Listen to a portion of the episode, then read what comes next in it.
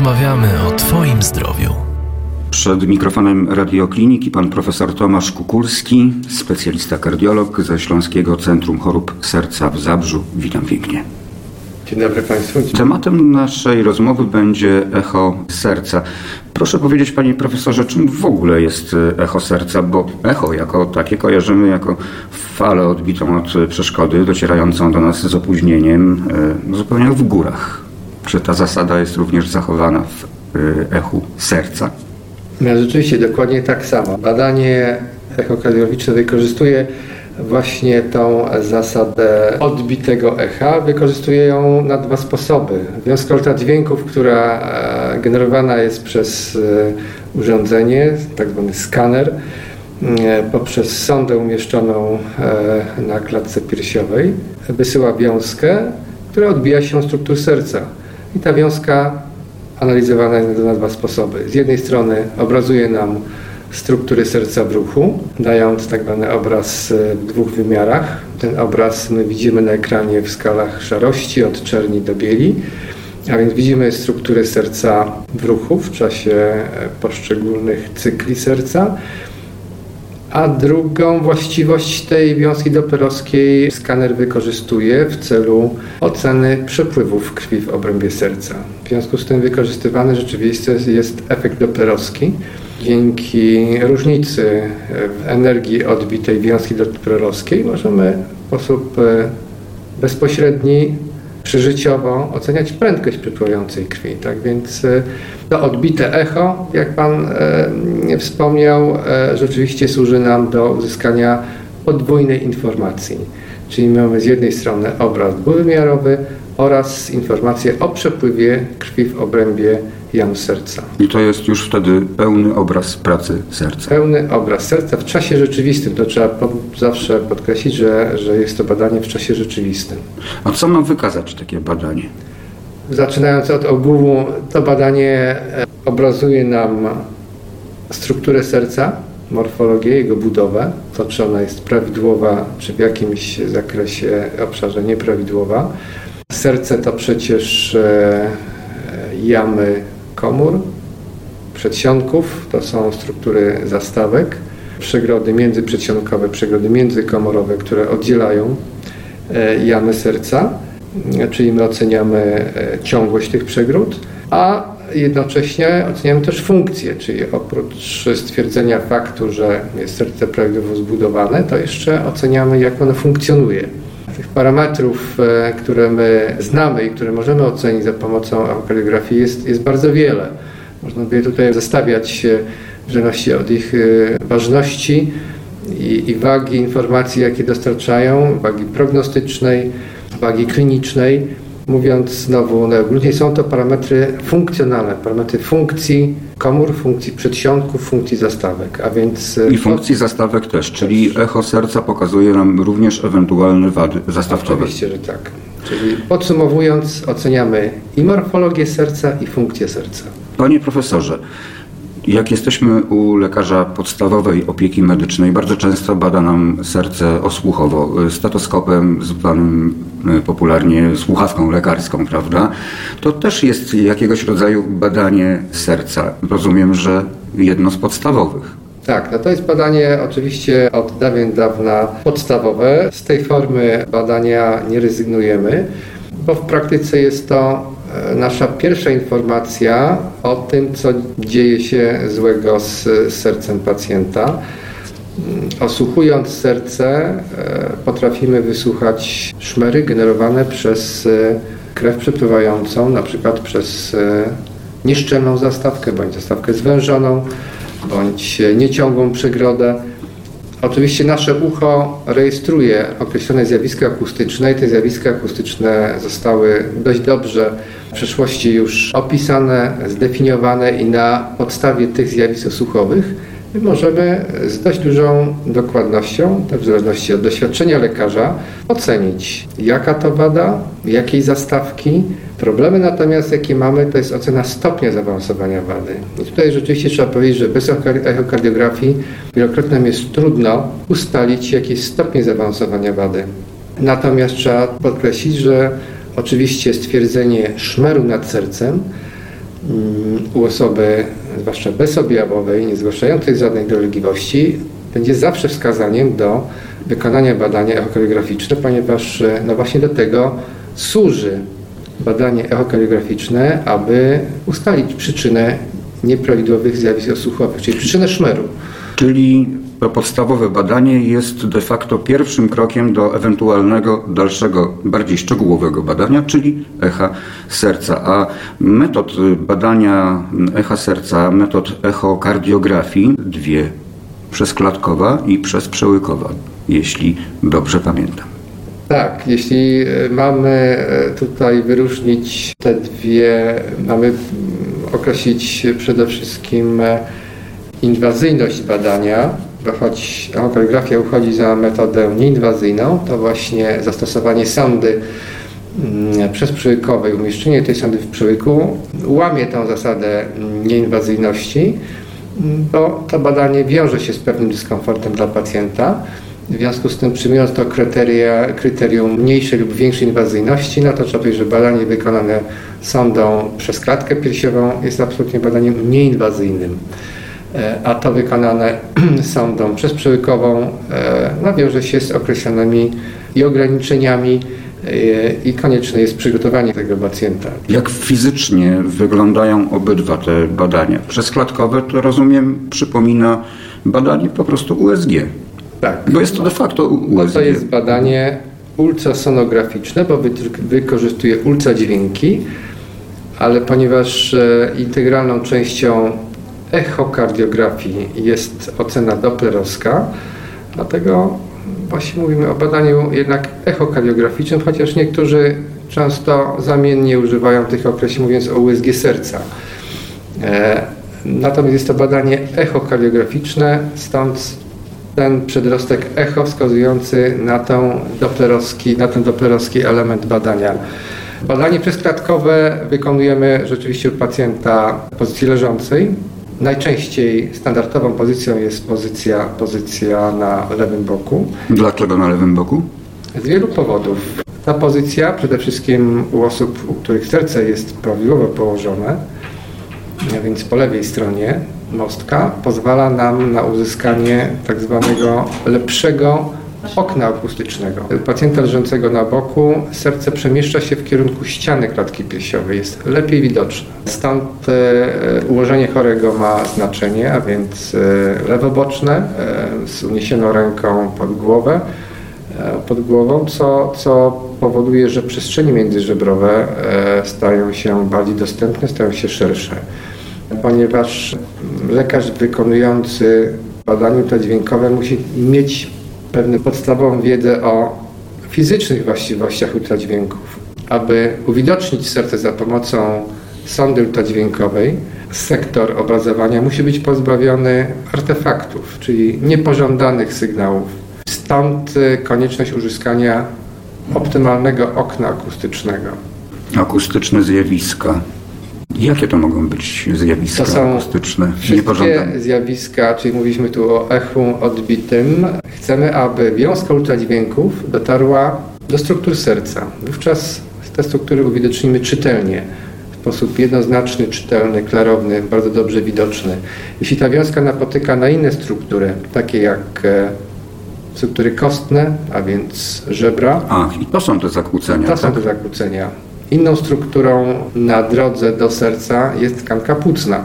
Tkanka płucna wypełniona powietrzem jest e, niekorzystnym środowiskiem ultradźwięków, ponieważ ultradźwięki ulegają całkowitemu rozproszeniu, a więc jeśli wiązka natrafia na płuco, nie jesteśmy w stanie zobrazować serca. Dlatego konieczne uzyskanie chorego dobrego okna akustycznego, stąd konieczne ułożenie odpowiednie. Również e, pomocne bywa sterowanie u pacjenta oddechem.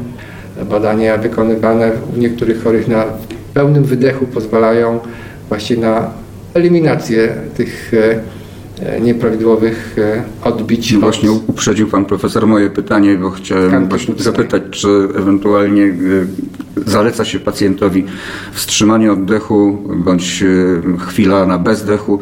Tak jest, jak się okazuje, w istocie.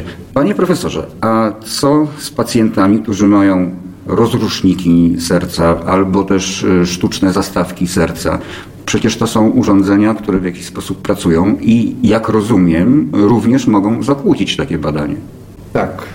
Oczywiście, że mogą zakłócić, ale jeśli y, zapytał Pan już o rozruszniki, to przede wszystkim trzeba pamiętać, że puszka rozrusznika, która jest implantowana standardowo pod mięsień piersiowy większy, znajduje się powyżej serca na wysokości dużych naczyń.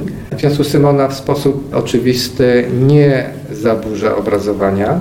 Dodatkową opcją uniknięcia obrazowania takiej puszki jest e, uniesienie ręki pod głowę i wtedy mm, e, rozrusznik e, wędruje nieco w górę. W związku z tym nie ma zwykle problemów z badaniem chorego e, ze wszczepionym rozrusznikiem, stąd nie ma ograniczeń. Chory po implantacji rozrusznika oczywiście może mieć wykonane badanie eukardiograficzne. Zapytał Pan też o, o, o, zastawki. o zastawki, ale też trzeba pamiętać, że w sercu mogą znaleźć się inne elementy implantowalne, wszczepialne, choćby elektrody. E, oczywiście zarówno e, elementy zastawek sztucznych, jak i elektrody odbijają w sposób dość charakterystyczny wiązki ultradźwięków, dając bardzo typowy obraz. Oczywiście są to echa, nazwijmy to niechciane, one dają artefakty, ale nie są one na tyle uciążliwe, żeby nie można było mm, wykonać badania. Jak rozumiem, specjalista przeprowadzający takie badanie potrafi wyselekcjonować te niepożądane i odrzucić je od tych właściwych. Co więcej, ponieważ te struktury znalazły się w sercu w sposób zaplanowany, celowy, e, wielokrotnie istnieje nawet potrzeba oceny pozycji elektrody, ruchomości takiej elektrody, czy interakcji takiej elektrody z zastawką, Podobnie dotyczy to sztucznych e, e, protez zastawkowych serca. Oczywiście mamy generalnie dwa typy protez e, zastawkowych. Mamy protezy mechaniczne, protezy biologiczne. Te mechaniczne z racji materiałów wykonanych są to zwykłe stopy metali. Dają o wiele bardziej nasilone artefakty. Zastawki biologiczne czy też pierścienie zastawkowe charakteryzują się tym, że dają mniejsze e, artefakty i są łatwiejsze w ocenie. Rozwinęliśmy dość szeroko wątek badania przesklatkowego, a teraz e, prosiłbym, aby pan profesor omówił nam badanie przezprzełykowe. Choreografia przezprzełykowa przeżywa w tej chwili wielki boom, a on wynika z faktu, że obrazowanie za pomocą sondy umieszczonej w przełyku, a więc w bardzo bliskim sąsiedztwie struktury serca daje doskonałej jakości obraz, ponieważ e, wiązka generowana przez taką sondę nie napotyka właśnie na te e, środowiska, struktury, które wiązkę osłabiają bądź rozpraszają, a więc nie mamy tam tkanki płótnej, nie mamy żeber. Ale zasada działania jest zasada wciąż działania ta sama, doplerowska. Niewątpliwie obrazy w badaniu bezprzelikowym są bardzo czytelne. Jakość tego obrazowania 2D e, zachęciła konstruktorów i wynalazców do tego, aby rozwinąć przede wszystkim obrazowanie z użyciem. Tak trójwymiarowej eukardiografii, dając badającemu możliwość e, oceny struktur serca w trzech wymiarach w czasie rzeczywistym. E, jest to bardzo dynamicznie rozwijająca się gałąź tej eukardiografii, ponieważ tak dokładne uwidocznienie struktur pozwala mm, na monitorowanie wielu zabiegów. Implantacja przescewnikowa zastawek stała się już faktem. To są zabiegi wykonywane w Polsce e, rutynowo. Dawi Mitra Clip. Tak, e, zastawki w pozycję orbitalną, klipsowanie zastawki mitralnej. Tych zabiegów wykonujemy z roku na rok coraz więcej i trzeba sobie jasno powiedzieć, że bezpieczne i skuteczne wykonanie takiego zabiegu nie byłoby możliwe, zwłaszcza jeśli idzie tutaj o zabiegi mitroclip, nie byłoby możliwe bez e, monitorowania przezprzyłykowego. Taką, jeśli już mówimy o, o tej dziedzinie kardiologii e, inwazyjnej, e, dynamicznie też rozwijającym się częścią, działem tego obrazowania przezprzyłkowego jest implantacja okulderów uszka lewego przedsionka. E, odbiorcami tych zabiegów e, no, jest olbrzymia populacja osób cierpiących na migotanie przedsionków. To jest populacja której przybywa w naszym kraju, bo to populacja... Ze względu na starzenie się społeczeństwa? Ze względu na to, że żyjemy coraz dłużej, a migotanie przedsionków jest tak naprawdę arytmią wieku podeszłego, związaną ze starzeniem się serca. Mm, stąd e, chorych z migotaniem przedsionków e, z przeciwwskazaniami do klasycznej terapii mm, lekami przeciwkrzepliwymi jest coraz więcej.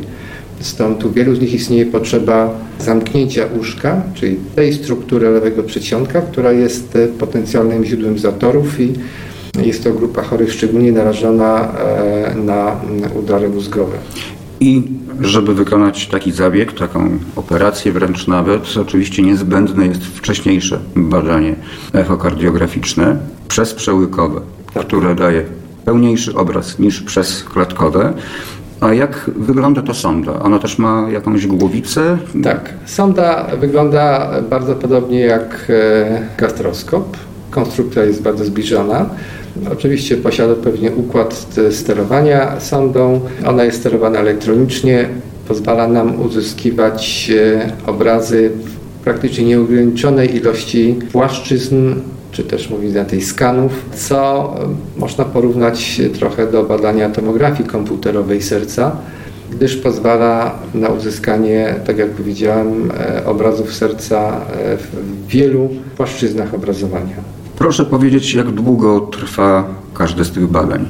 Badanie przezklatkowe, w zależności od tego, w jakim trybie jest wykonywane, a tych trybów mamy kilka, zależne są od sytuacji klinicznej i te tryby e, badania, rodzaje badania przezklatkowego mm, zostały e, ściśle opisane, określone w, ostatnich e, wytycznych dokumencie przygotowanym przez sekcję kariografii Polskiego Towarzystwa Kardiologicznego, a więc mamy badania, które wykonujemy w trybie pilnym badania wykonywane u pacjenta przyłóżkowo.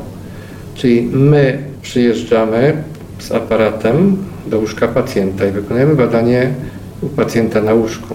Oznacza, że chory jest albo w tak ciężkim stanie, że nie może trafić do pracowni, albo sytuacja kliniczna wymaga uzyskania szybkiej informacji, czyli są to badania przyłóżkowe, od których wymagamy, aby dostarczyły one nam szybko ważne informacje kliniczne. Takie badanie trwa krótko z racji nagłości stanu. Kilkanaście minut?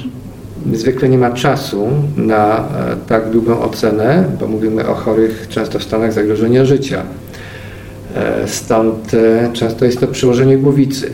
Przykładamy sondę tylko po to, aby na przykład sprawdzić, czy w worku środziowym znajduje się płyn, czy chory ma tam tak zwaną tamponadę serca. Aby to ocenić, wystarczy rzeczywiście kilkadziesiąt sekund. Jeśli stan kliniczny pozwala chorego, takie badanie e, można przedłużyć do kilku, kilkunastu minut. Ale są to badania rzeczywiście przesiewowe, szybkie.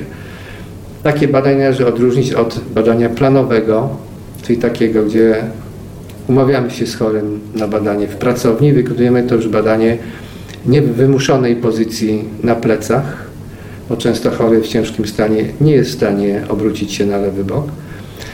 E, natomiast e, te badania właśnie planowe, wykonywane w pracowni, możemy je wykonać już w nieco większym komforcie e, i w zależności znowu od rangi problemu, to badanie może potrwać od kilku minut do kilkudziesięciu.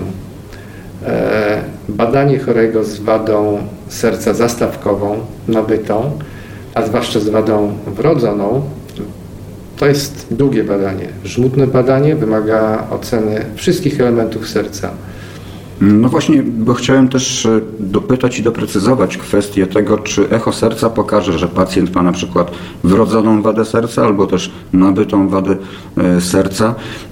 Czy jest to badanie w stanie rozróżnić e, te dwie formy? Tak, oczywiście do tego właśnie służy badanie echokardiograficzne, żeby pokazać czy struktury serca są prawidłowe i od kiedy one są e, ewentualnie nieprawidłowe już, tak? Bo jeśli mówimy wadzie nabytej, Można coś takiego określić, stwierdzić od kiedy? No tak, bo jeśli rozpoznamy wadę wrodzoną... E... No wrodzona tak, ale nabyta? Możemy nabyta stwierdzić, że to jest już od roku jakaś tak. nieprawidłowość? E, może tak precyzyjnie e, nie określimy, ale wśród wad nabytych mamy te, które są indukowane czy też e, wywoływane przez czynniki infekcyjne, zapalne. I mamy wady, które związane są e, z wiekiem, wady wieku podeszłego, związane ze sklerotyzacją, wapnieniem zastawek, e, z ich degeneracją. Więc wśród tych wad nabytych już mamy co najmniej dwie kategorie wad. I jest ich na pewno cała długa lista. Panie profesorze, jak rozumiem, badania echokardiograficzne wykonuje się systematycznie u pacjentów, którzy albo są po incydentach kardiologicznych, albo też zmagają się z różnego rodzaju niewydolnościami e, serca. Rozumiem, że trzeba te badania ponawiać co jakiś czas dla zbadania stanu pacjenta. Tak, do tej pory tutaj rozmawiamy o mm, tych aspektach związanych z, przede wszystkim z diagnostyką, e, z rozpoznaniem, z ustaleniem rozpoznania. Natomiast e, u chorego, u którego rozpoznaliśmy na przykład niewydolność serca, dożyliśmy leczenie, bez względu na to, czy będzie to leczenie wyłącznie farmakologiczne, czy na jakimś etapie zostanie choremu zaproponowane leczenie zabiegowe mm, e, z zastosowaniem czy też formy jakiejś elektroterapii, czy też e, leczenia zabiegowego, e, mam tu na myśli rewaskularyzację, czy też mm, implantację zastawki w tym momencie taki chory z y, niewydolnością serca po interwencji terapeutycznej, tak to nazwijmy, oczywiście wymaga monitorowania, bo musimy przez cały czas leczenia śledzić y, nie tylko efekty samego zabiegu, to bezpośrednie, ale e, odległe efekty e, zabiegów, czy też leczenia farmakologicznego. Na pracę serca ma wpływ wiele czynników, ale niebagatelny wpływ ma chemio i radioterapia w przypadku chorób nowotworowych. Czy wobec takich pacjentów y, również stosuje się badanie echa serca i czy na przykład chemio i radioterapia nie wpływają tak na stan serca, że mogą zafałszować takie badanie, jeśli się je wykonuje? Tutaj przede wszystkim trzeba podkreślić, że pewna grupa chemioterapeutyków pochodnych doksorubicyny, e, ale też i radioterapia ma niekorzystny wpływ na funkcję serca. Mm, znane są onkologom e, e, chemioterapeutyki o działaniu kardiotoksycznym i uwzględnienie takich właśnie chemioterapeutyków w planie leczenia onkologicznego zawsze wymaga od e, onkologa sprawdzenia, w jakiej kondycji jest serce pacjenta. Wcześniej rozpoznano niewydolność serca, chorobę niedokrwienną.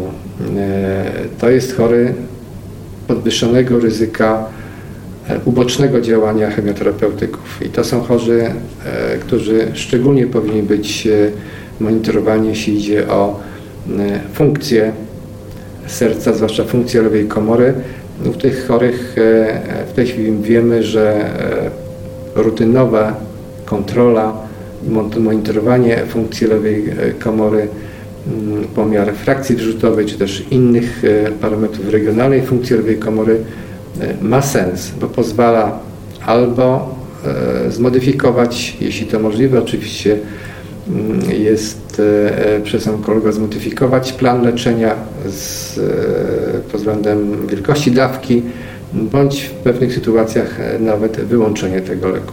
Czy echo serca można wykonywać małym dzieciom oraz kobietom w ciąży? Nie ma tutaj żadnego zagrożenia?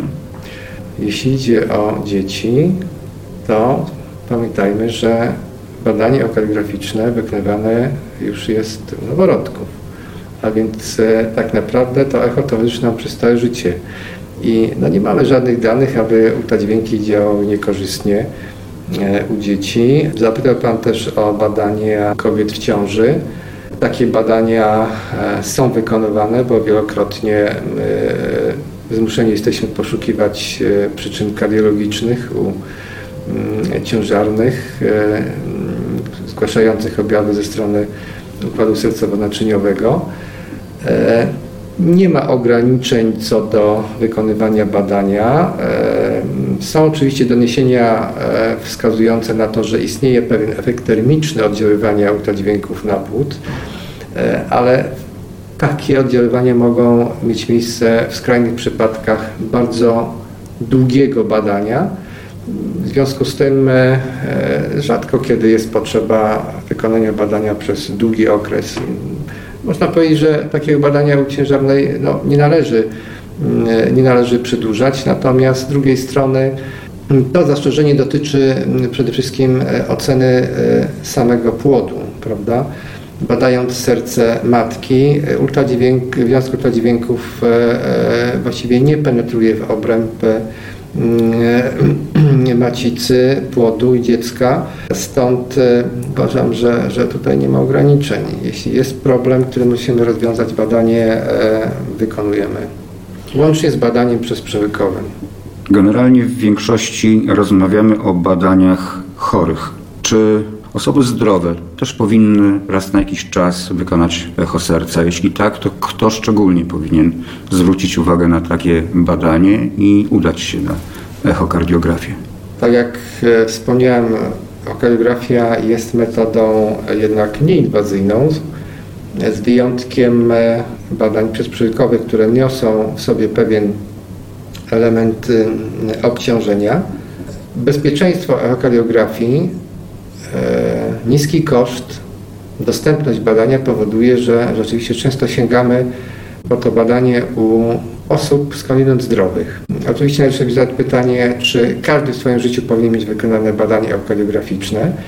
Wydaje mi się przede wszystkim, że e, takie badanie powinniśmy zaproponować e, bezobjawowym, zdrowym, którzy mają jednak wywiad rodzinny w kierunku chorób układu sercowo-naczyniowego, a także, e, i tutaj podkreślę, widzę sens e, wykonywania badania echograficznego u osób, e, które planują intensywną rekreację. Ponadprzeciętną. Ponadprzeciętną. Regularne uprawianie wysiłku staje się pomału w naszym kraju popularne i dobrze, zwłaszcza wśród młodej części naszego społeczeństwa, natomiast trzeba sobie powiedzieć, że jeśli ktoś decyduje się na intensywną rekreację, co oznacza, że planuje udział w biegach półmaratońskich czy maratońskich, to już jest spory wysiłek, który wiąże się z... W biegach tak, bądź pływaniu, bo to też jest duży wysiłek. Bądź pływaniu. E, myślę tu o e, regularnym intensywnym wysiłku. Nie mówię tu o sportowcach e, zawodowo uprawiających różne dyscypliny, olimpijczykach, bo tam badanie okograficzne jest bezwzględnie wymogiem. Myślę tu o szerokiej rzeszy osób, które planują e, intensywne uprawianie wysiłku. Trzeba pamiętać, że, że to ponadprzeciętne uprawianie wysiłku wiąże się z tak zwaną fizjologiczną przebudową serca czyli z powiększeniem jam serca, zwiększeniem masy mięśnia sercowego, pogrubieniem mięśnia sercowego. Co może powodować jego dysfunkcję? Ono może powodować jego dysfunkcję w sytuacji, gdy na tą przebudowę fizjologiczną e, nakłada się pierwotna choroba serca. E, więc jeśli mm, mamy świadomość obciążeń genetycznych, rodzinnych, takie badania bezwzględnie musimy wykonać. Natomiast e, nawet bez obciążenia e, rodzinnego, bo nie zawsze e, o obciążeniu genetycznym wiemy, wykonując, przymierzając się do intensywnego treningu, warto na wstępie takie badanie wykonać. Czy w ocenie pana profesora echokardiografia może się jeszcze rozwinąć? Czy te metody, które zostały wypracowane do chwili obecnej są już tym najwyższym pułapem?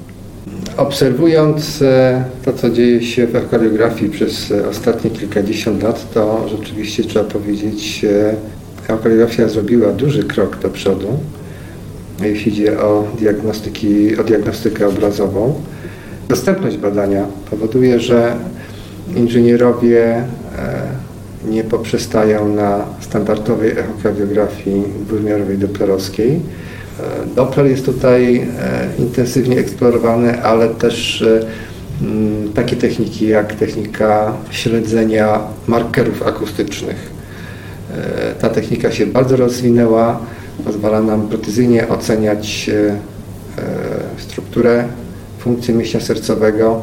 Można powiedzieć, jest taką techniką właśnie dedykowaną do oceny E, schorzeń pierwotnych mięśnia sercowego. A tak najprościej, co to są te markery akustyczne? No, myślę, że najprościej będzie porównać to śledzenie markerów do śledzenia odcisków palców. Wiązka ultradźwiękowa odbijająca się od mięśnia sercowego pozostawia określony zapis, określony ślad. W czasie cyklu serca ten ślad przemieszcza się w czasie i w przestrzeni odpowiednio skonfigurowany echokardiograf, skaner i odpowiednio mm, wyposażony w odpowiednie oprogramowanie pozwala nam ten charakterystyczny. Tak fingerprint, fingerprint, czyli e, odcisk śledzić zarówno w czasie cyklu, jak i w przestrzeni. Dzięki temu jesteśmy w stanie obrazować, jak zachowuje się określony fragment ściany serca. E, ta metoda się bardzo rozwinęła. E, można powiedzieć, że, że jest taką metodą e, dedykowaną na przykład do różnicowania ściany lewej komory. Tak jak wspomniałem, przerost może być obecny, możemy go stwierdzić u osób intensywnie trenujących. Jest to fizjologiczny przerost, który po zaprzestaniu wysiłku mm, ustępuje, zmniejsza się, redukuje się i to jest jego charakterystyczna cecha.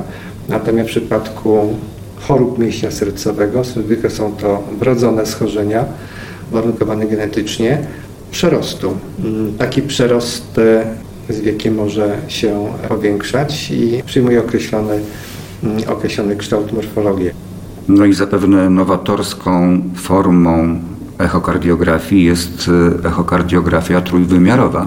Tak, oprócz e, tych nowych możliwości obrazowania samej funkcji mięśnia sercowego, echo trójwymiarowe, zarówno to, które wykorzystuje obrazy uzyskane w badaniu przezklatkowym, a zwłaszcza to, które wykorzystuje obrazy w badaniu przezprzykowym, rozwija się niezwykle dynamicznie. Można powiedzieć, że struktury lewego przedsionka, takie jak e, zastawka mitralna, czy łóżko lewego przedsionka są jakby mm, anatomicznie stworzone do tego, do tego, aby je pokazać w trzech wymiarach. Wynika to z przede wszystkim anatomii serca i z pewnych uwarunkowań technicznych kształtu wiązki ultradźwiękowej. Zastawka mitralna znajduje się dokładnie naprzeciwko wiązki ultradźwiękowej. Wiązka, która pada na struktury zastawki mitralnej, odbija się całkowicie od tych struktur, dając nam niezwykle precyzyjny obraz. Dzięki temu